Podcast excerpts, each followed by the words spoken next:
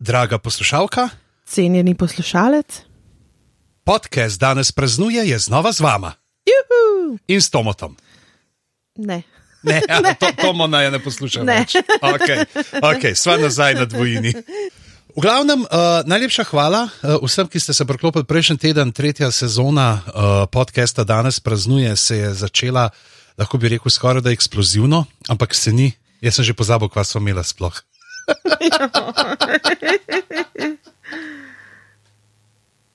A se ti spomniš?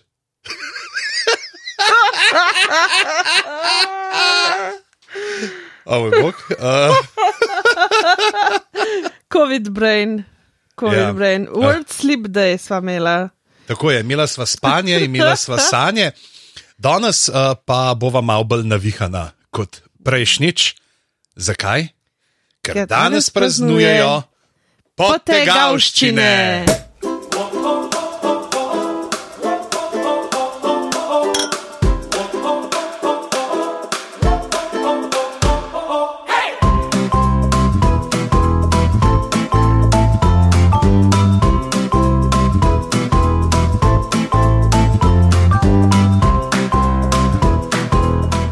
Sej ne, mi da so se spomnila, valjda.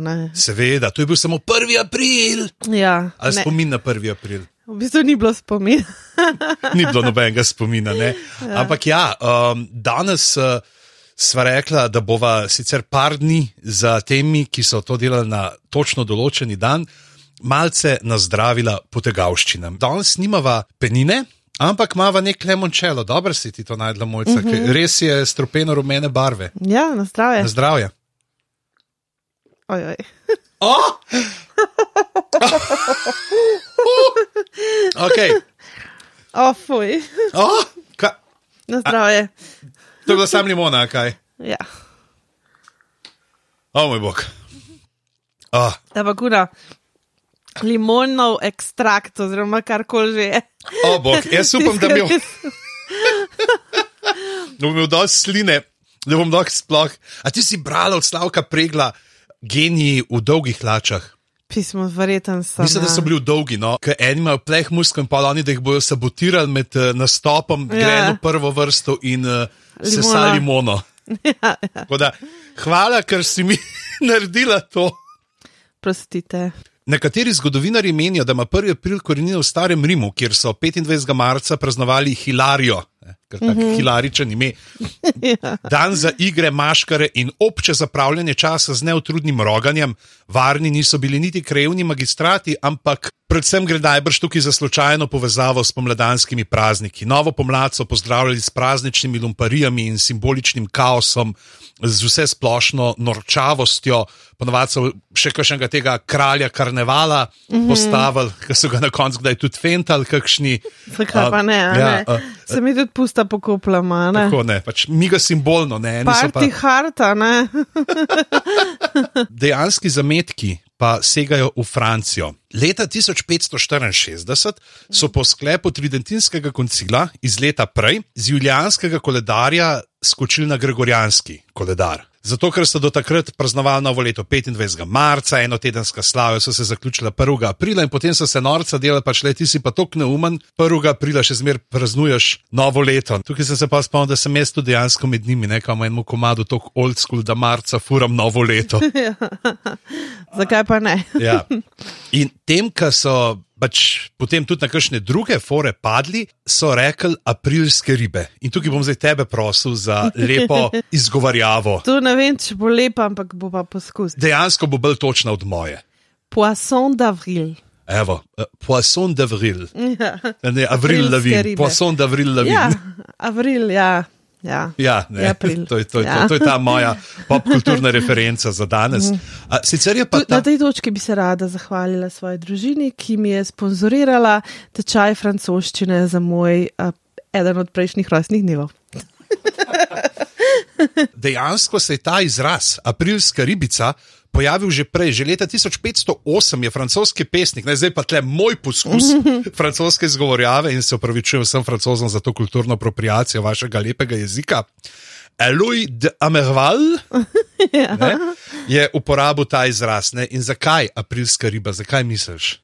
Vse vem. No, pa, pa povej, če si prebrala scenarij, ljudje scenarij imajo danes. Zato, ker um, aprila je najlažje uloviti ribe, ker se drstijo in potem uh, jih zelo izi dobiš. Ja. Na In, foro, a ne? in recimo uh, leta 1561, ne, se pravi, uh, spet pred tem preskokom uh -huh. na drugačen koledar, je pa flamski pesnik Edouard Deden objavil pesem o plemiču, ki na 1. aprila pošilja svoje služabnike po nespametnih opravkih. Drugače so pa tudi v Britaniji začeli s to um, tradicijo April Fools že zelo zgodaj, leta 1686, ko je um, filozof John Aubrey prvič omenil Fool's Day. Fool's Holiday. 1. aprila leta 1698 napovejo redno letno umivanje levov v londonskem stolpu. In to je privabilo ogromne množice, seveda niso umivali levo, a ne. Ja, tam ni bilo nobenega, ki bi rekel, že do te so dežo ne pisim. ja.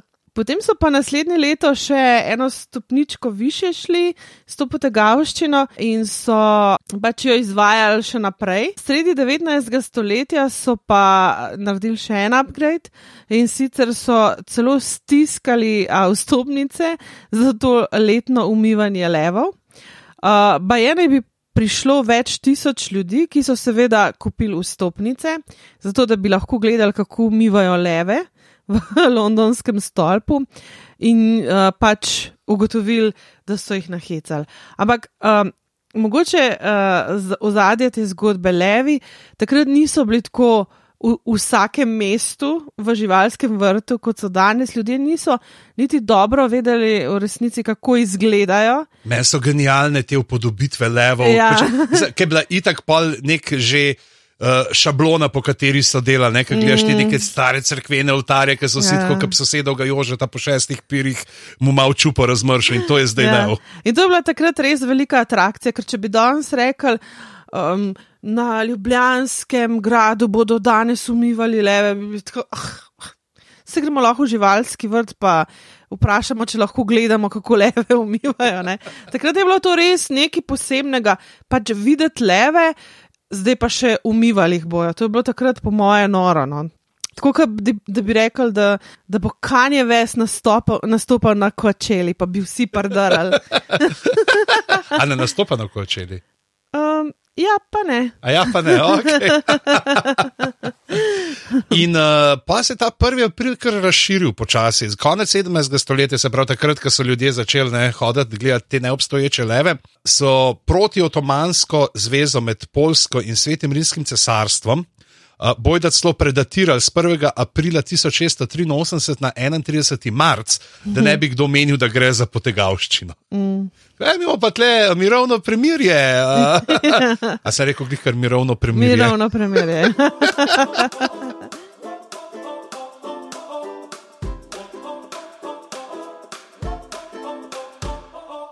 Ampak eh, potegavščine so se dogajale tudi bližje nam, -huh. uh, ne samo uh, časovno, tudi krajevno. Jaz sem šel mečkan brskati, kje bi najdel kakšno tako staro, prvo aprilsko uh -huh. slovensko iz medijev in sem našel tole. Pazi, leta 1931, uh -huh. kje druge kot v Mariboru.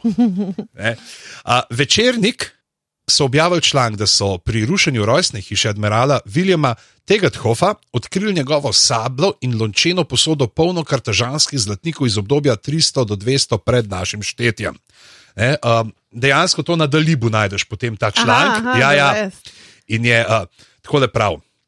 Da bo enkrat konec tem napol javnim tajnostim, o katerih govoriči in šušlja danes že skoraj vsako omizje v Mariboru in okolici, in da bo enkrat vselej nehalo nezmiselno pretiravanje, sem se namenil, da razodenem čisto resnico o dveh precej čudnih najdbah v Mariboru, katerih prva je morda samo zanimiva, a je druga kolikor toliko arheološkega, čisto zgodovinskega in tudi numizmatičnega pomena. Ne? In potem, kako so šli rušiti to um, stavbo, ne? In da so našli med stropom in podom v preperelo usnje skrbno zavit, dolg in ozek predmet, ter ga po kratkem premišljevanju dali nadziratelju, ta pa svojemu gospodarju, ki je konstatiral v svoji pisarni v svoje nemalo začudenje, da vsebuje omot. sabljo, staro sabljo brez nožnice in brez onih delov ročaja, ki navadno niso iz železa. Po daljšem posvetovanju in debatiranju z zgodovinarji, kemiki in vojaškimi strokovnjaki, seje so se vršile skozi teden skoraj vsak večer in so igrali pri raziskovanju najmodernejši kemični pripomočki veliko vlogo, se je dognalo sledeče. Sablja je iz jekla, ki jo je izdelovala tvornica v Štajri v letih 1850-70 ali pa je nordiškega izvora. Rjo ni povzročila, pa še štajerska, še nimajo rodilnika. Ne?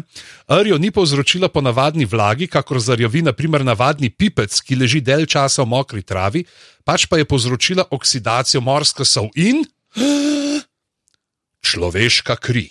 Uh, okay. Oblika sablje je približno ista, ki so imele Feldwebelske v predvojni dobi. Ročaj je moral biti iz pozlačene medine in se ga je dotikala skoraj vedno le orokovičena roka.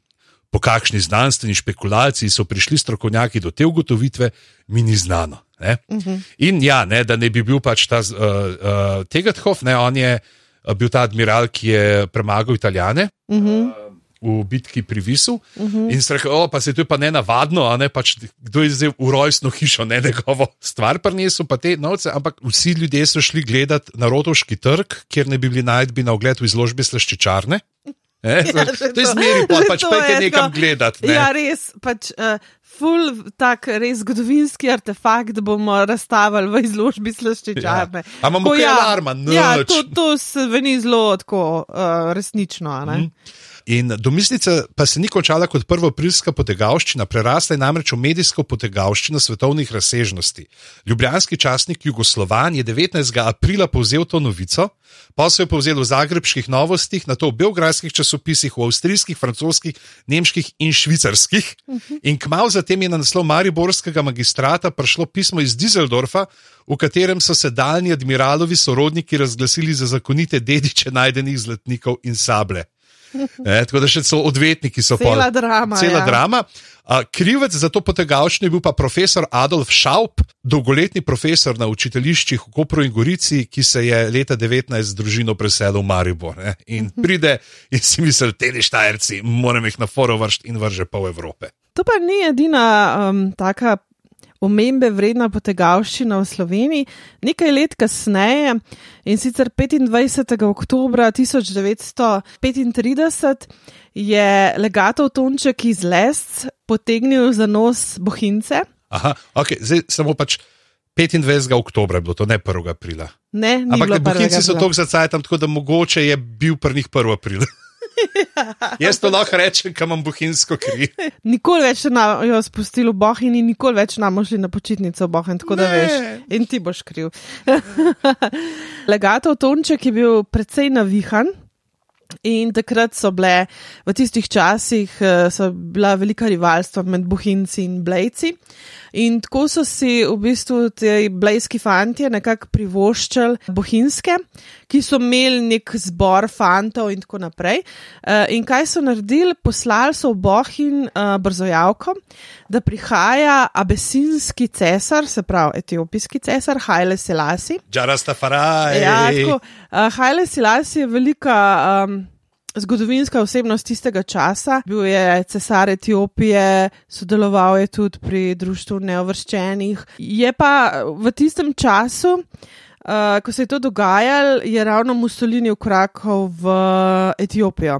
Tako da ta šala je tudi malo politično nekorektna, ne sem zaradi črnega obraza, ki se bo zgodil k malu, ampak uh, tudi zaradi tega, ker je v bistvu v tistem, v tistem času, ko je se ta šala dogajala, praktično Mussolini ukorakal v Etiopijo in uh, se je začela pač vojna. In uh, pisali so, da pride, da je, uh, da je Haile Selassie na, na poti v Evropo k Društvu narodov in da želi obiskati Bohin. Se- To je normalno. Mislim, Ja, ja, če bi pač- bil jaz doma iz Etiopije, bi tudi rekel, kam hočeš iti? V Bohen. Ja, in uh, so povedali, da pride takrat v nedeljo, in kdaj pride, in da se bo pripeljal z vlakom, in tako naprej. In uh, ta novica se je po Gorenskem razširila ne bom rekla kot požar, mogoče tu sun. Vsi so vedeli za ta obisk, tako da so prišli ljudje tudi iz drugih krajev. Niso se samo zbrali bohinci, ampak tudi ljudje iz drugih krajev so prišli gledati to svetovno čudo tega človeka. Uh, in uh, seveda so pripravili sprejem, in tako naprej. In Kulturni so, program je bil. Vse, vse, in recitacije, in vse. Pr, Prpalali so belega konja, da se bo Hajle Selasi pol na njega usedel, ko bo prišel z vlaka in tako naprej. Ne? In res se je Hajle Selasi prpelal. Um, pač, uh, in potem so ga oni tam gostili in sprejemali. Imel je tudi nekega lokalnega prevajalca, pač enega od sodelavcev te potegavščine. Uh, in um, vse je šlo v bistvu zelo dobro, dokler niso začeli plesati polke. in očitno je bil um, ta legatov Tonček, ki je bil našemljen, seveda, Hajle Slasja, um, je bil tako zelo zagret plesalec polke, da je v bistvu mal preveč plesal hitro in se začel potiti. In uh, mu je prilepljena brada odpadla, in potem se je barva z njegovega obraza začela topiti. To je ta Rudi Giuliani moment. ja, nekako tako. Ja. In potem je bilo konc te šale, legato Tonček jo je zbrisal še pravočasno, preden so ga bohinci dobili v roke. Ta šala je pa ponarodela na Gorenskem. Je pa zanimiva zgodba. Uh, Hajle Silasi je v resnici obiskal Slovenijo uh, v 70-ih letih, Tito ga je gostil na Bledu. A točka uh, so prepeljali. Mislim, da celo ja. No. To, to moram, ne vem, če so njega ravno prepalali, ampak vem, da so mu povedali to zgodbo. In uh, je, da se je pošalil, da so res dobri gostitelji in da tako kot ga gostijo zdaj, so ga res lepo gostili tudi pred 40 leti. Tako da je Hajle Slasi vse en potem obiskal Gorensko. No.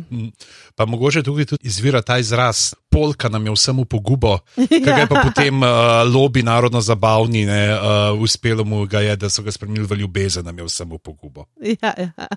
So tavčarji vplačali. Ja.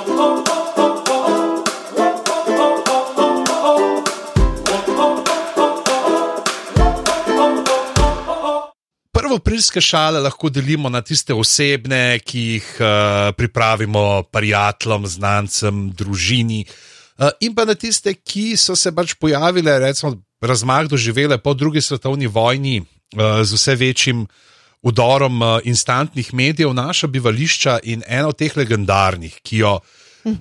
Slišite, vidite, zmerino, kaj je naštetih v uh, pet najboljših prvoprilskih potegavščin. Uh, je BBC-jeva reportaža o špagetih. Pejte pogled v zapiske, tam je povezava uh, na ta video. In, uh, ampak bi bila fora, bi rekel sem, oja, špageti rastejo na drevesih, ne haha. Ampak ta stvar ima celo tako reč čisto hudo predzgodbo. V glavnem, leta 1957 BBC poroča, da švicarski kmetje pričakujejo rekordno letino špagetov, saj so se znebili špagetarskih rilčkarjev in objavijo reportažo, kjer vidimo švicarske kmete, ki ubirajo sveže špagete z dreves, jih sušijo na soncu in si jih na koncu privoščijo z bokalom rujne kapljice.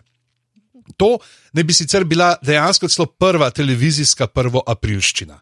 Mm. Uh, domislil se je uh, Charles de Jäger, kamerman oddaje Panorama, ki je bila glavna informativna oddaja na BBC-ju.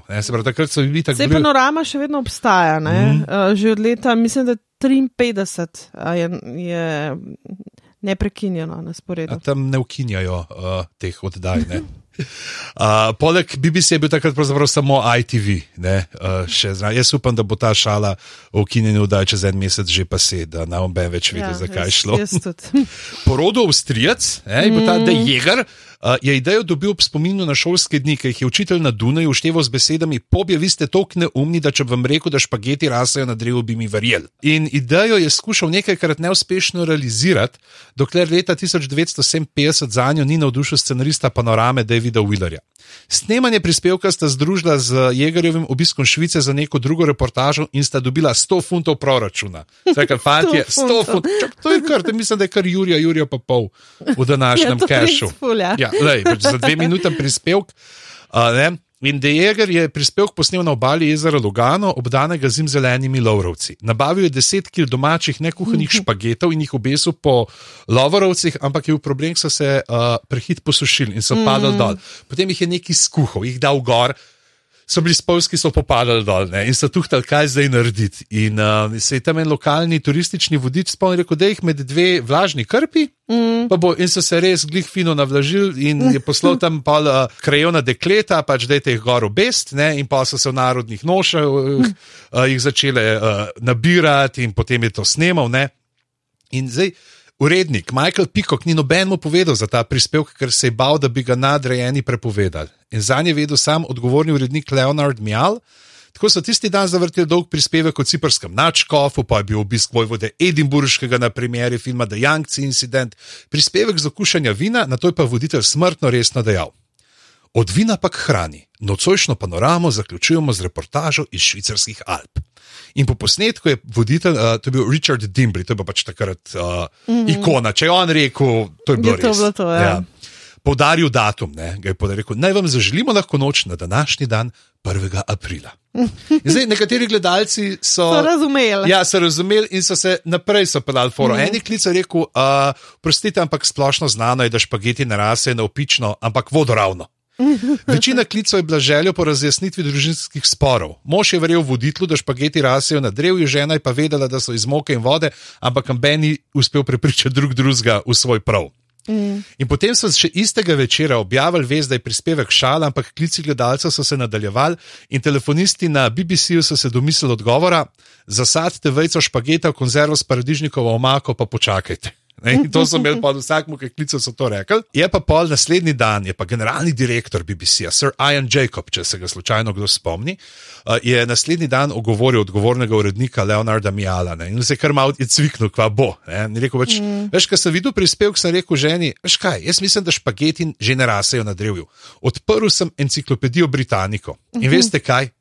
Enciklopedija Britannika špagetov sploh ne omenja. E, in potem, kljub temu, da je bila del, del javnosti bil ogorčen, kar se tako vedno zgodi.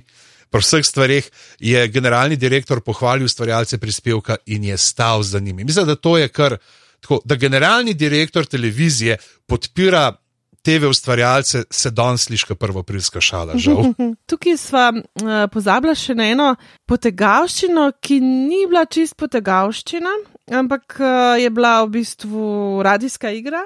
Uh, leta 1938 je Orson Welles zapisal radijsko oddajo Vojna svetov, ki so jo predvajali na Noč čarovnic. Kot uh, fiktivno reportažo v seriji radijskih iger. Ta reportaža je povzročila uh, malce panike med poslušalci, ker je bila pač um, mockumentarija. Eden mm. od prvih mockumentarijev je bil, ki zelo realistično povejo, da so pristali vesolci Marsovci uh, in kaj se zdaj vse dogaja. Uh, sicer jaz sem potem poslušala neke, um, neke razprave, da v bistvu so to zgodbo o tej paniki precej napihnili. Tok ljudi spet ni nasedlo, oziroma niso imeli takih paničnih izpadov, kot imamo mi nekako v, v svoji predstavi. Ne? Ampak zdaj, ko smo ravno pri uh, radiju ne, in pri vesolcih, imamo tudi dokaz, da je bil uh, pristanek na Luni sfejkan. Uh mhm. -huh. Sicer ne v leta 59, ja.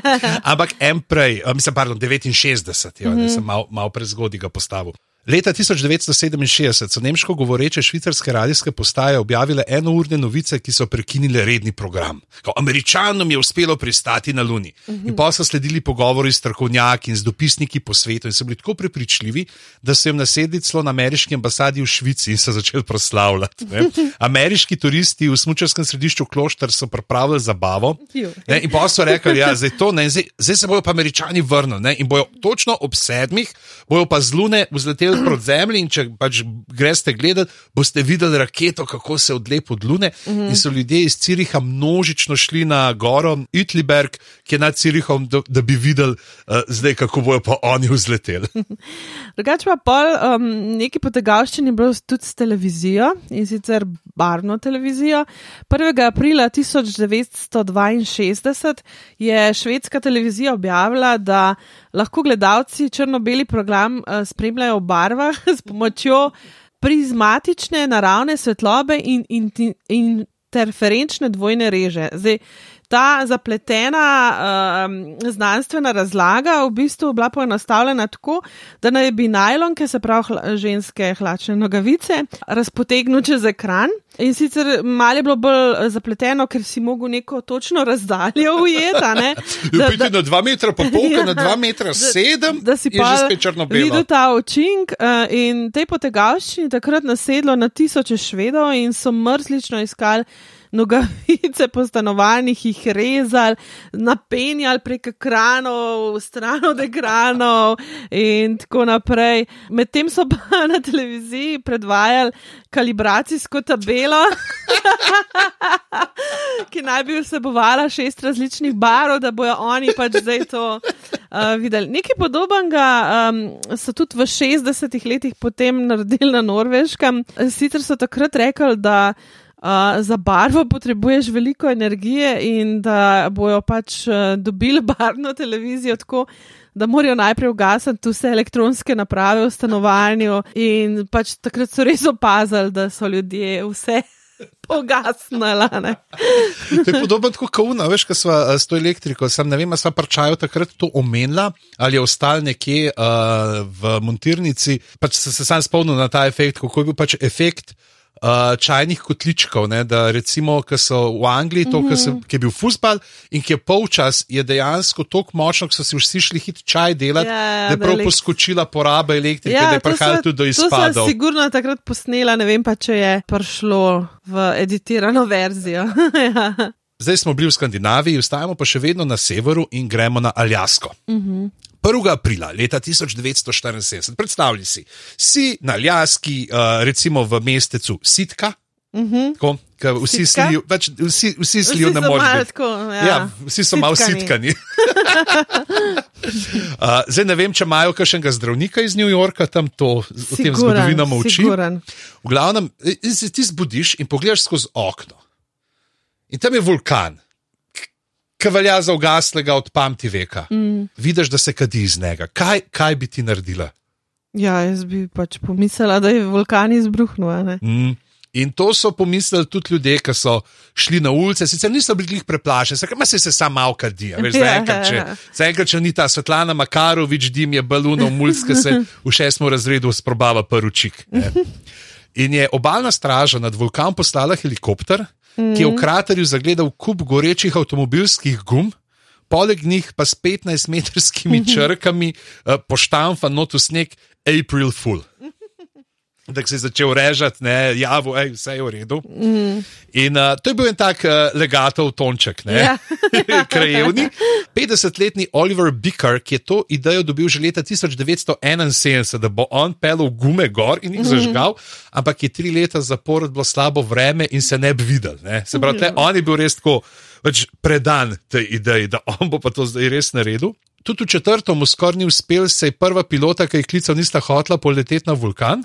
Mm. Ne, ampak v tretje je šlo rado. Zdaj, ošali so sicer, tako so bili fair, da so prej obvestili nadzor zračnega prometa, pa policijo. Mm -hmm. In v boju sem čestital, polni so jih klicali ta nadzor zračnega prometa, hej, fanti, je ful dobro zgleda, da beste se spomnili. Mm. Edino obaljni straži niso povedali, ne? zato so oni poslali helikopter in je tako hit, pa tudi uh, fora propadla. Meščani so sprejeli z dobro voljo, pač niso nič zamerali mu. Uh, Se pa uh, malo pa Oliver, uh, Porky je bil njegov vzdelek. ja, uh, je pa čez nekaj let uh, se na paradi za 4. juli srečal z uh, admiralom obalne straže ne, in kar malo cviknu, če ga bo oštev, ne in je pa rekel, samo hej, dobro, fora, dobro ste se takrat mm.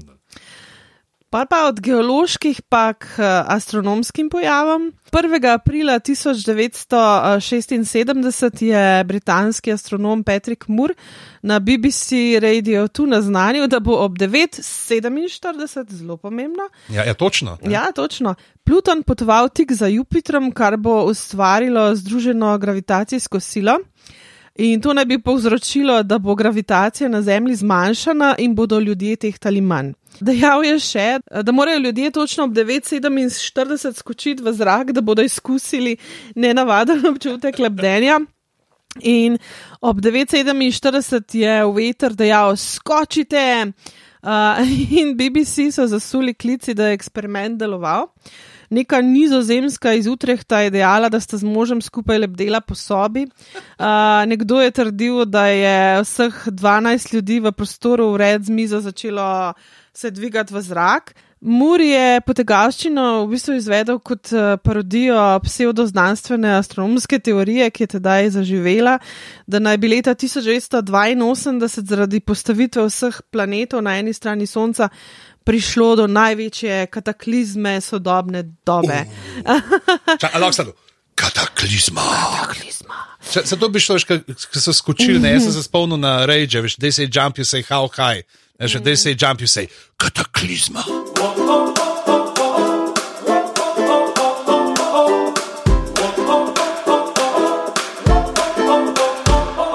Tukaj je bilo kar nekaj izračunov, sicer šaljivih noter, mm. ampak da pa so vsi ti izračuni, ki lahko izračunajo, kdaj točno, ob kateri uri bo uh, prišel Jupiter za Saturn, kdaj bo Venera med Merkurjem in tako naprej.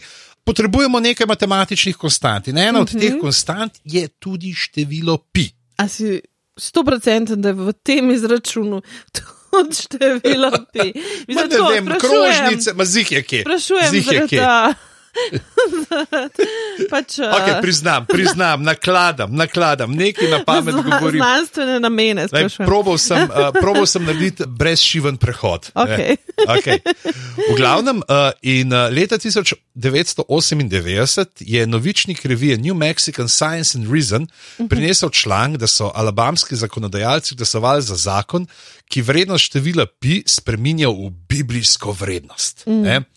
In zdaj, uh, kakšna je ta originalna vrednost števila pi, kakšna je biblijska, pa mislim, da obstaja samo en človek, ki bo vedel oboje na izust. Tako da, Ja, uh, mislim, da, da tukaj ni dileme, da bo poklicala Nika Škrleca. Nik, kličevate, dvigan, prosim.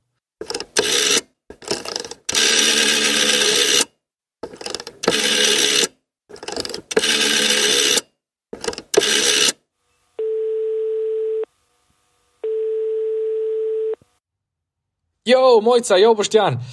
Včasih imam občutek, da sem jaz slovenska varianta številke za točno uro, sam za pi. Vsi me skozi kličejo in sprašujejo, koliko je pi, nik, koliko je pi. Inštitut Jožefa Štefana me je sam ta teden klical osemkrat. No, ampak vama z veseljem povem, pi je 3, nič, ne, hecam se. 1. april, nisem pozabil, 1. april um, je pa 3, nič, oziroma 3 svetopisemski zaokrožek števila pi, mimo grede. Uh, no, vse veste, pi je pa 3,1, 4, 1, 5, 9, 2, 6, 5, 3, 5, 8, 9, 7, 9, 3, 2, 3, 8, 4, 6, 2, 6, 4, 3 in tako naprej. Čau, uživajte!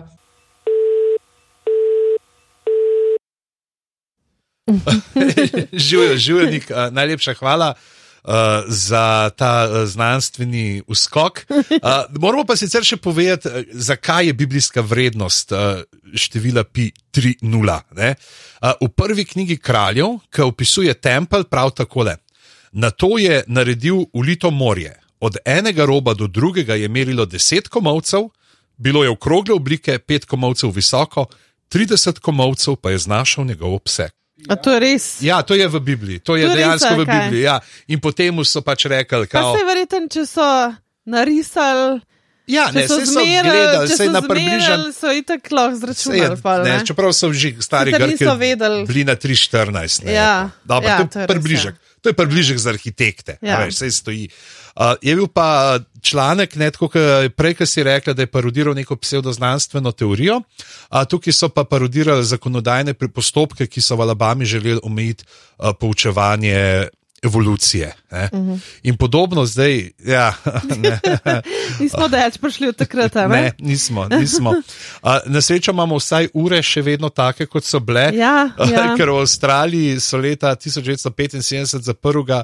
aprila objavili, da bojo uh, zdaj tudi ure spremenili v metrični sistem, se pravi 100 sekund, 1 minuta, 100 minut, 1 ura in 20 um, ur na dan, in potem sekundam se bo rekel uh, mili dan, uh, minutam se bo rekel centi dan, ure bojo pa deci dnevi. Ne? Tako da so videli, če so neke makete teh ur. in, Ure, uh, ena, ki meni res mm, najljubša, pa je v bistvu nedavna, no, ni eno leto, dve nazaj, ampak leta 2008, uh, je BBC objavil posnetek uh, novo odkrite kolonije letečih pingvinov. Ki vsako leto preletijo tisoče kilometrov, da se iz Antarktike odpravijo sončiti v tropsko podnebje deževnega gozda, da, da, da je bila zadeva še mal bolj tako očitno šaljiva, uh, je bil na, uh, narator tega Terry uh, Jones. Naredili so genijalen posnetek, kako pingvini letijo. To boste videli v To, zapiskih. jaz mislim, da je to večina ljudi, ki, ki so vsaj mal preklopljeni na internet, že, že kdaj so to opazili, videli. In uh, pač res so se potrudili in naredili stvar zelo realistično, da hiter pomisliš, a je to res mogoče, tudi če imaš v, v spominu pač to. Samo računalniško, pa leta 2008. Ja, ne, ampak ja. je, zdaj mogoče čisto ena zastranitev, zdaj sem se spomnil, pač ja, računalniško obdelani ne, posnetki. Uh, zdaj le prihaja naslednji mesec na Apple TV neka serija o dinozaurih. Uh -huh. uh, ne, ma se videla že trailer, Mhm. Ne. mogoče čisto do zgleda, pač dejansko tako tiranozauri, s tem mm. mladički tiranozaura, ki imajo še perje in tako naprej. Mm. In so dobili Davida Attenborough, da je uh, tam narrator. Mm. Čeprav tudi tukaj, ne, ker se reka, ja, pač, da je očitno s Terryjem Jonesom, se Terry Jones je delal. Ne, Mislim, mm. On in um, Michael Palin sta ful tudi nekih dokumentarcev uh, snemala v svoji karieri. Ja, ja, tudi. Res je, v živo nismo videli še. Uh, letečega pingvina, razen če bi mogoče uh, ne. konkretno na brgljani. Čeprav, jo, to je bila, ni bila to neka igrica, Penguin Toss, neka računalniška temu porodnih Ja, časih interneta, nekaj ker smo prav metal pingvine. Ja, ja, nekaj je bilo. Ja. Aj, Dajte nam poslati link, ker smo Lena in se nam ne da googlati, pa odkrili smo že premiško z Marsa, da ste, da sta najna poslušalca vidva najboljša googlerja na svetu. Mm, v glavnem, uh, ko smo ne pri alkoholu, ki ti pomaga priti na nivo, kjer vidiš leteče pingvine, norveški uh, časnik Aftan, ne, in to ni kar en. To je največji norveški časnik. Je 1. aprila leta 1950 na naslovnici objavil vest, da je vladni vinmomopolet. Ne, se pravi, uh, mm. to je tako, kot smo že omenjali v Islandiji, ne, ker imaš državni monopol, imajo trgovine, ki prodajo Mm, alkohol, alkohol ja. glavnem, da je uh, vin monopolet prejel večjo pošiljko vinskih sodov iz Francije, ampak jim je zmanjkalo steklenic in ga nimajo kam pretočati, tako da bojo priredili enodnevno razprodajo, 75% popusta, brez davka, zdaj kupončkov za stobe, ne vem, če so obljubljali ali so jih ali ne. Edin pogoj je, da se boj prineseš lastne steklenice ali pa flaškone. In ob desetih so bile dolge vrste pred temi von monopoleti, uh, razočarani kupci so pa pol, uh, nenapolnjene flaškone in ajmari, pa že dejansko so z ajmari hodili tja, ne, uh, odvrgali kar v okolici trgovin, čist razočarani. ne. Vse to je pa res, ali ni to okrutno, da ljudem obljubiš 75-odstotno znižen alkohol? pa Ja, ni. pa, pa ni za res. To, to je res kar ne. To je res dobro, dobro nisem mogel zažgati, nič, ker nisem imel nobene V Sloveniji bi tekočine. takoj prijavili tržni inšpekciji, Ja. da bi teli kar drago plačali tole. Uh, so pa očitno uh, narodi iz severa Evrope um, veliki šaljivci, uh, ker ti naslednja um, zgodba prihaja iz Nizozemske. In sicer 1. aprila 1950 je Vara, kar je nizozemski nacionalni radio, objavil um, intervju z enim zelo čustveno prizadetim uh, lahko zapos- moja najljubša beseda, čustveno razrvanim. z enim čustveno razrvanim uh, zaposlenim v Riks muzeumu, ki je priznal, da je pri čiščenju uporabil napačno tekočino in je v bistvu po nesreči poškodoval slavno Rembrandtovo sliko Nočna straža. Ups. ja, in da se zdaj slika topi, in da bo v bistvu do polnoči slika popolnoma izginila, ostala bo samo še lužica na tle. In takrat so um, prebivalci Amsterdama uh, drli v Riks muzeum, da bi lahko sliko videli še zadnjič, na kar so pač izvedeli, da je. Um, Da je šala in so si oddahnili. Meni je sploh to super, da je pol radio pelil to šalo naprej in je intervjujal te ljudi, ki so čakali v vrsti. Ja. Kaj pa vi mislite, zakaj ste pa prišli? Ne? Ampak je pa po svoje super, ker ti pa kaže, da so ljudje bili uh, pripravljeni čakati v vrsti za umetnost. Da bi še enkrat videl, zadnjič videl nočno stražo. Ja. Mislim, jaz bi tudi, če ne bi nikoli videla v življenju. Po moje pa bi mi rekel, sliko bo mogoče videti samo še nadaljnih pet ur, bi bila tako, idemo. Ja, ne? že, ampak le, starič. Če bi ti živela v Amsterdamu, pa da Ja. si cel life ne bo vzela cajt, zajet pogledat, Ja. nočno stražo, stari pa pa tudi nisi vredna, da zadnje pet ur odžiraš vrsto tistem, ki so jo že večkrat videli in jo želijo še v zadnje. Več je razlogov, zakaj ne greš, a veš, tudi če je na dotiku rok. Um, oh, ko smo pa že pri rokah, ne? 1998 je Burger King uh, objavil celostranski oglas v US Today, da so naredili uh, Whopperja za levičarje. Whopperja. Whopper, Whopper, Whopper, Whopper, Whopper. Whopper. Štajerci reče Whopper, da je. Ja, Whopper. Uh, in uh, podobno je pa leta 2015 firma Cotonel mm. objavila, da uvaja toaletni papir za levičarje. Meni je všeč pri tem, da pol te, ki delajo te šale, ponovadi zmeri neke diagrame naredijo. Ja, da probajo res predstaviti neki znanstveno, mm. neki pa tako. Ja. Ampak, uh, ko smo ravno pri burgerju, ne, mm. uh, prebral bom uh, en kratek odlomek iz uh, ene mojih najljubših knjig, z Majso, dr. Mm -hmm. Dokin L. Thomas. uh, Ki pravi takole. Evo, pa le nizozemske, le to. Glede na to, da se trenutno v vaši knjigi spet ne dogaja nič posebnega, vam pošiljamo izvleček iz našega lokalnega biltena. Iz nizozemske smo prejeli senzacionalno vest, da je skupini portugalskih znanstvenikov v izgnanstvu uspelo križati čistokrvnega plemenskega bika, imelisko, s kopico sena. Rezultat je fenomenalen. Krava žitarica. Cowgrass, kot jo posrečeno imenujejo, doseže v višino do 3 metre, sicer pa se po zunanjem videzu ne razlikuje kaj dosti od povožene mačke. Ampak nekaj podobnega so si pa privoščili tudi za prvo aprilsko šalo v New Scientistu. Leta 1983 so objavili članek o prvem uspešnem rastlinsko-živalskem hibridu. V paradižnik so usadili kravje gene. Ne? In zdaj, kravji paradižnik ima čvrsto usnjato kožo, v njem pa rasejo diskaste grude govejih beljakovin med uh, paradižnikovim mesom. Itak so se potrudili, da je, če si enkrat prebral, pa da nisi že to, če ti je znanost malo šepala, ne, pa si vsem pelal, so dali pač, da sta odgovorna za to odkritje profesorja McDonald pa Wimpy z Hamburške univerze. Ampak to ni bilo dovolj, kajti po tegavščini je nasedla brazilska znanstvena revija Veja, aj Veža, Veha, kako je. Ti veš, kaj čevlje nosiš. Ni to isto. Jaz sem verjeten isto pomen.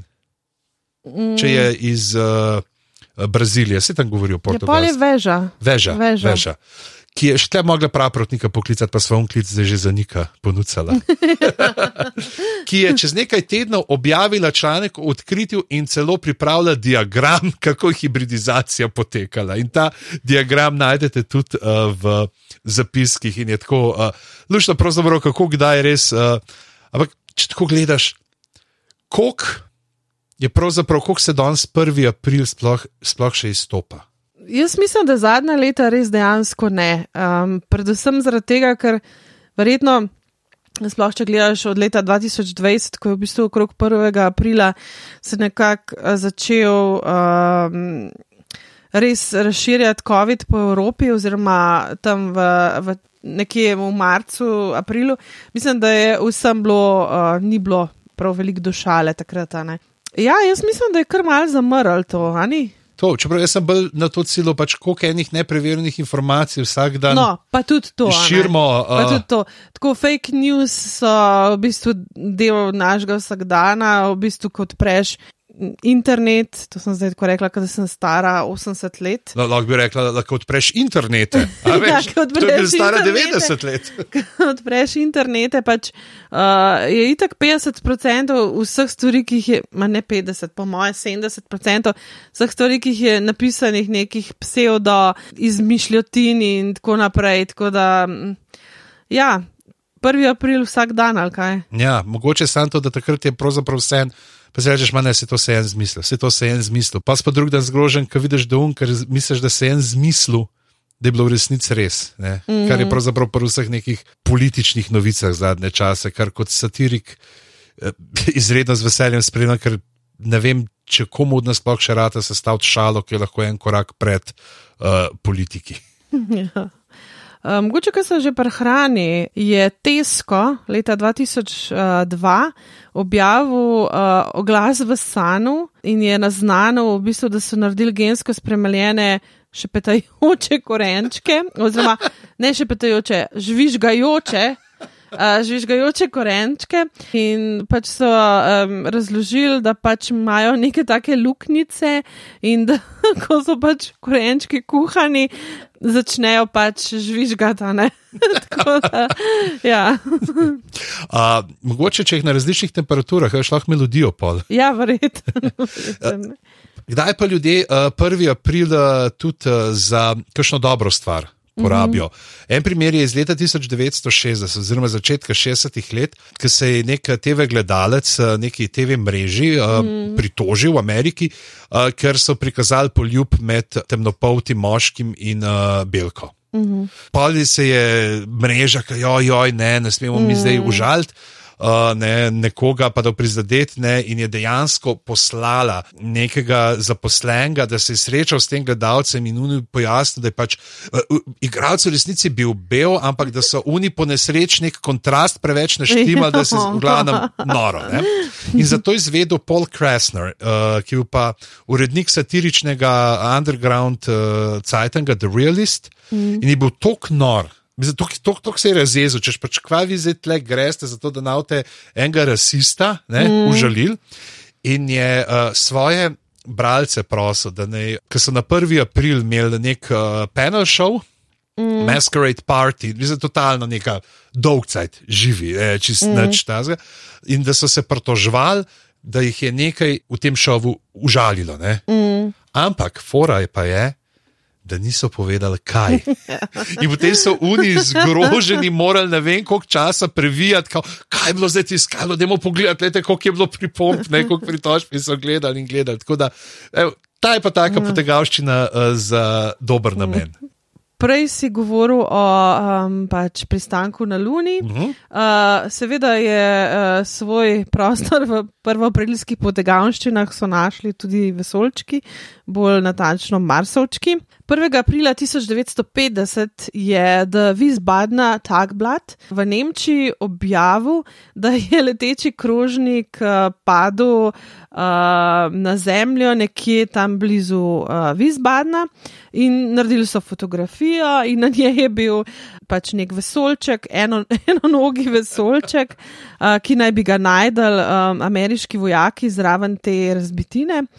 Ta članek je potem v bistvu zaokrožil vse posod po svetu, ne samo v tistih dneh po, uh, po tej prvi objavi, ampak je ta članek našel tudi svoj prostor med, v klipingu FBI-ja uh, in potem pristal v FBI-jevih uh, X-Files. Um, in uh, v bistvu. Um, Gre za sliko, ki se je potem razširila kot resnični dokaz obstoja Marsovčkov in pristanka Marsovčkov na, na Zemlji. V bistvu velikokrat povezujejo to sliko z Rooseveltom in tako naprej. Na sliki je ta mali. Sivi, fora pa tem, da je to sliko naredil fotograf uh, tega časopisa, posnel ga je s pomočjo svojega pet let starega sina in seveda sliko precej priredil, obdelal in um, ja, on je pa, uh, mislim, da je pa on poziral kot ameriški vojak. Mm -hmm zraven, v glavnem tako, da je. Um, ne, se verjetno so kar gledali, da je bila tam baza, so kar ja, prave pač, vojake. Pač to je v Nemčiji, ne mogoče. No, ampak jaz mislim, da veliko poslušalcev ve, da je v tistem delu Nemčije pač mm. ena večja vojaška baza, ameriška. To je bilo takrat nekako logično, da so američani našli ja. tega vesolčka. In pač zgodba, zgodba se je ljudem zdela tako resnična. Pač, da je našla svojo pot dejansko mm. v te teorije, ki so se kasneje razvile. Tako da vemo, da veliko teh teorij zarod, veliko teh pseudo-znanstvenih člankov praktično nastane na podlagi nekih šal, ki zaokrožijo nekih Photoshopov in tako naprej, ki se pojavljajo, pa pa kar postanejo del neke resnice. Ne? In to je eden od zgodnih primerov tega. In nobena stvar ne zaokroža tako dobro, kot dober komat. Ja, ja In uh, vsi poznamo komat, ki smo ga poslušali večkrat, ko smo ga hoteli, predvsem zaradi tega, ker se je znašel na kakšnih povezavah, za katere smo mislili, da nas bodo vodile kam drugam. Govorimo seveda o Riku Astleyju, Never Gonna Give You Up. Eh, Rick Rolling, stvar, ki jo poznamo uh, vsi, ampak 1. aprila leta 2008 je YouTube uh, pofural to šalo na čistno nivo in je na kjerkoli video, ki je bil na prvi strani YouTube, si kliknite vrgel na uh, Rika Eslija, pa Never Gonna Give You Up. Tako da ta, eno tako lepo Rik rolanje. Ja. Pa še ena glasbena, ta je tudi nedavna, iz 1. aprila 2014, dogaja se v Britaniji, v King's College Choiru, se pravi v zboru, ki je znan po tem, da so imeli um, mlade fante, ki so peli visoke tone in tako naprej. In zaradi vseh teh dogajanj moderne dobe, pač naj ne bi bilo dovoljeno imeti v zboru teh mladih fantov. Okay. Kirurški posegi niso več dovoljeni. Ja, ja kirurški posegi niso več dovoljeni, uh, v glavnem. In uh, so se potem odločili, da bodo aktivirali svoj chemistry department in da bodo uporabljali heli. In uh, seveda so naredili video in to demonstrirali tako zelo dobro in zelo zabavno. Tako da vam priporočam, da si ga tudi ogledate, najdete ga pa tudi v opisu tega podcasta. Še najbolj bi pa bilo, da bi kliknil na ta video, pa da bo dobil Rika Estlja na Heliju. na Heliju. I don't know. Tako da ja. Uh, Se bi rekla, da jih imamo še 65, ampak bi Mislim, bil 1. april, bi ja. vedeli. Bi vedel. uh, Če želite z nami deliti kakšno svojo potegavščino, ja, uh, ja. prvo aprilsko, lahko uh, to storite na mail, danes praznuje, afna.gmail.com uh, ali nama pišete na Instagramu, kjer smo na uh, afna danes praznuje. Uh, delite z nami, jaz imam eno lušno, ki sem pred leti, pa ne vem, če ni bil glih 2014, kdaj sem se ustrigel. In sem zjutraj napisal, dva dni prej sem se ustrigel, ne pa na 20 letih čupe. O, ustrigel sem se, pa so si, haha, nisi se neki. In pa je bila neka fora, ki je šale hardal, uh, šalo, kao, oj, policija me je prišla iskat zaradi nečesa, kar sem rekel na radiju. Yeah. In smo se vsi slikali s frimiki. Yeah. Uh, in sem se jaz slikal, tako da sem dal kapo gor in sem si čop, las, ki sem ga obdržal, dal zadko, da se je videl še malo. Kao, in sem rekel, haha, nisi se ustrigel, ne, vidimo, imaš lase. In potem je bila ta fotka razkritja čez nekaj, in so bili si, kaj, kdo si ti model? Kaj si naredil s pižamo? Poslušate lahko uh, tudi stare epizode, če je ta leta prva. Ja, dajte. Uh, lahko uh, se naročite, lahko se naročite na mm. podcast. Uh, Všečkajte, lajkajte, delite. ja, lahko še na oceno tudi date. Uh, če vam je všeč, uh, kar počneva, kar počnejo tudi drugi na mreži Apparatus, kjer podcast danes praznuje, uh, pejte na podpri.si, to mu je ravno kar obnovil domeno, tako da lahko donirate tudi kaj za Apparatus. In, To je to, ne vas nihče ne na aprili do naslednjega 1. aprila, kakšna je želja. Ne, ne vas kdo na aprili, ampak ne, ne vas dober. Ne vas dober, ne vas dober, ne vas obišče Hajle se. Pa ne, ne bo na volitvah. To. Ja. Čau. Čau. Z vami sva bila Mojca Gorenc in Boštjan Gorenc pižama. Živijo! Evi.